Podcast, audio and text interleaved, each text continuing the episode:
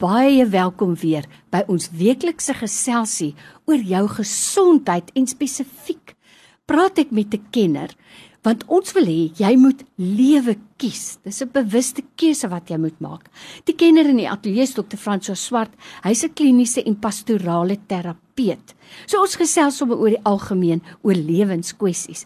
Baie dankie vir jou tyd vandag vir ons waardeer dit. Hallo Lorraine, al die luisteraars sien uit om 'n bietjie saam met julle te gesels. Nou ons vra gewoonlik ook vir luisteraars om hulle vrae met ons te deel, want dan hmm. kan ons daarop reageer. Nou ek het 'n vraag gekry na aanleiding van 'n gesprek wat ons 'n tydjie terug gehad het. En dit was oor 'n ouma en oupa waar ons gepraat het oor die insette wat grootouers kan lewer in kinders se lewe. En toe sê hierdie ouma Wat maak 'n mens nou as die kleinkinders geen dissipline het nie, want hulle word dit nie geleer by hulle huis nie? En dan wil ma en pa hê wanneer hulle by ouma en oupa is, moet ouma en oupa inval by hulle manier van kinders grootmaak. Dis maar 'n tammeletjie, nê? As jy vir jou kinders geleer het, moet nooit op die banke spring nie, moenie eet op ouma se nuwe meubels nie, by die huis mag hulle dit doen. So jy is nou die een wat die ou spoilsport is.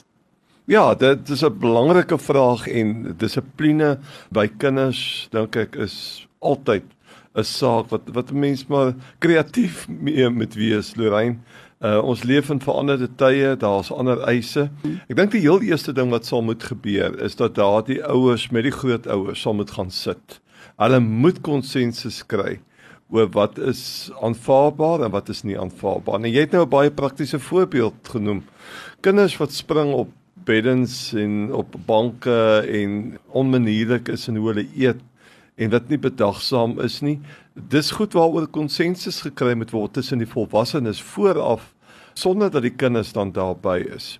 Die tweede baie belangrike ding is ons grootouers kan ongelukkig nie net eenmal 'n maand of eenmal in 2 maande met die kinders werk nie. Daar moet 'n verhouding kom. En dit beteken dat jy ten minste die klein kinders twee keer 'n week moet sien. Langer as 'n uur of 2 en jy met 'n eie persoonlike verhouding met daai kind bou. Dink dis goed dat die uh, grootouers 'n sein deurgee. Ons wil julle manier van opvoeding respekteer.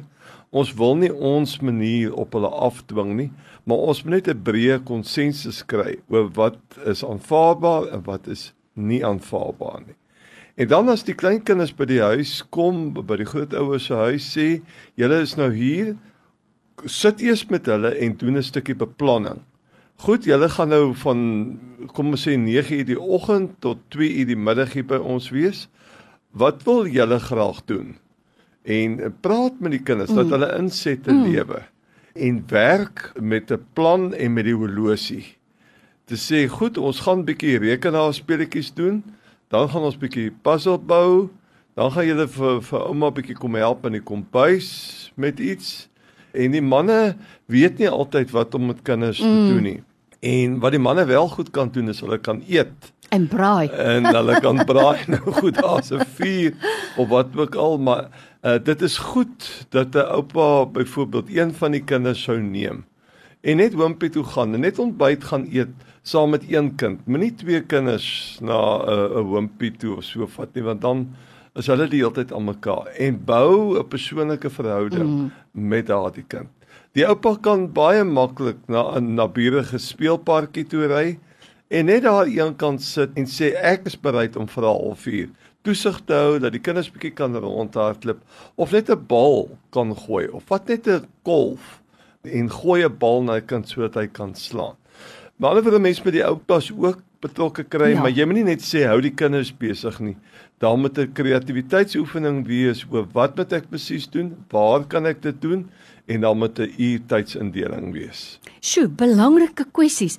Jy weet, ek dink iets eenvoudig byvoorbeeld soos om 'n plankie te vat as as dit nou ouderdoms van pas is en 'n paar gaatjies vooraf te maak en dan 'n spykertjie in te sit en vir hulle leer om 'n spykertjie en 'n plankie te kap. Ek het dit gedoen met my klein seuns van 2 en 'n half en 4 en 'n half. Hulle het dit verskriklik geniet. Ek het natuurlik gekyk dat hulle dit veilig doen. Die ander kwessie nou terwyl jy praat, dink ek daaraan. Die teenoorgestelde is seker ook waar, nê. Nee. Ouers kan maklik sê, "Nee, by ouma en oupa mag hulle mos doen net wat hulle wil." Nou kom hulle hier by ons huis terug en dan wil hulle nie by ons dissipline inpas nie. So ek dink wat jy sê dit is waar. Daar moet konsensus wees tussen ouers en ouma en oupa. Praat maar gereeld daaroor wat gaan die reëls wees. Dokter Franso, dieselfde ding nou. Onthou, hier praat ons nou van bloed, nê? Nee kinders wat nou kom kuier by ouma en oupa.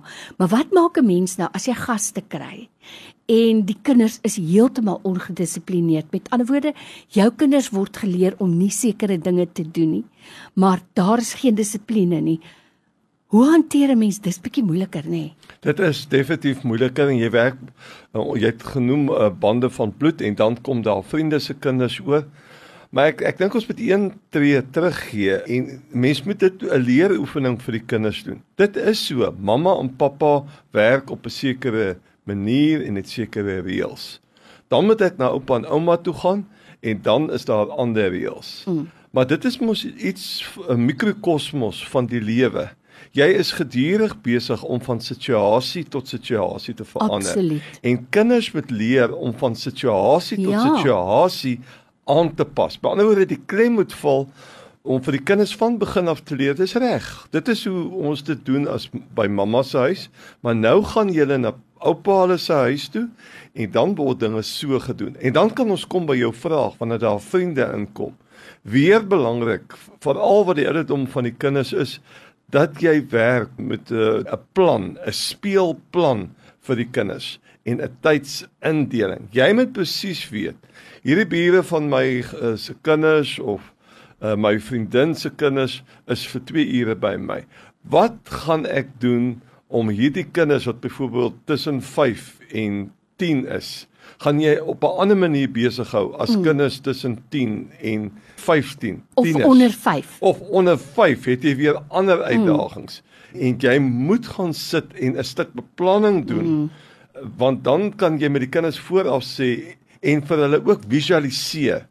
Kinders daag op by hulle maatjies eh, by eh, jou vriendin se huis en hulle begin self krap hier en krap daar en ongedissiplineerd en hulle self besig te want hulle is nuuskierig. Mm. Uh, hulle wil ontdek, hulle hardloop twee keer om die huis. Hulle sien daar's 'n hoender, dan jaag hulle die hoender, dan klim hulle bo op installasie en jy's dan baie verboureerd maar hulle is in hulle aard naamlik om te ontdek en te klim en so mee.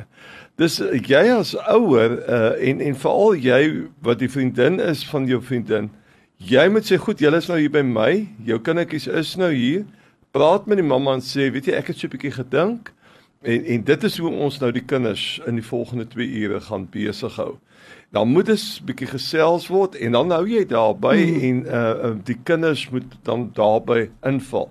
Maar as kinders struktuur het uh wat dissipline interessant maak, Lorraine, ons kom altyd terug na rotine toe en dan saam met dit visualisering.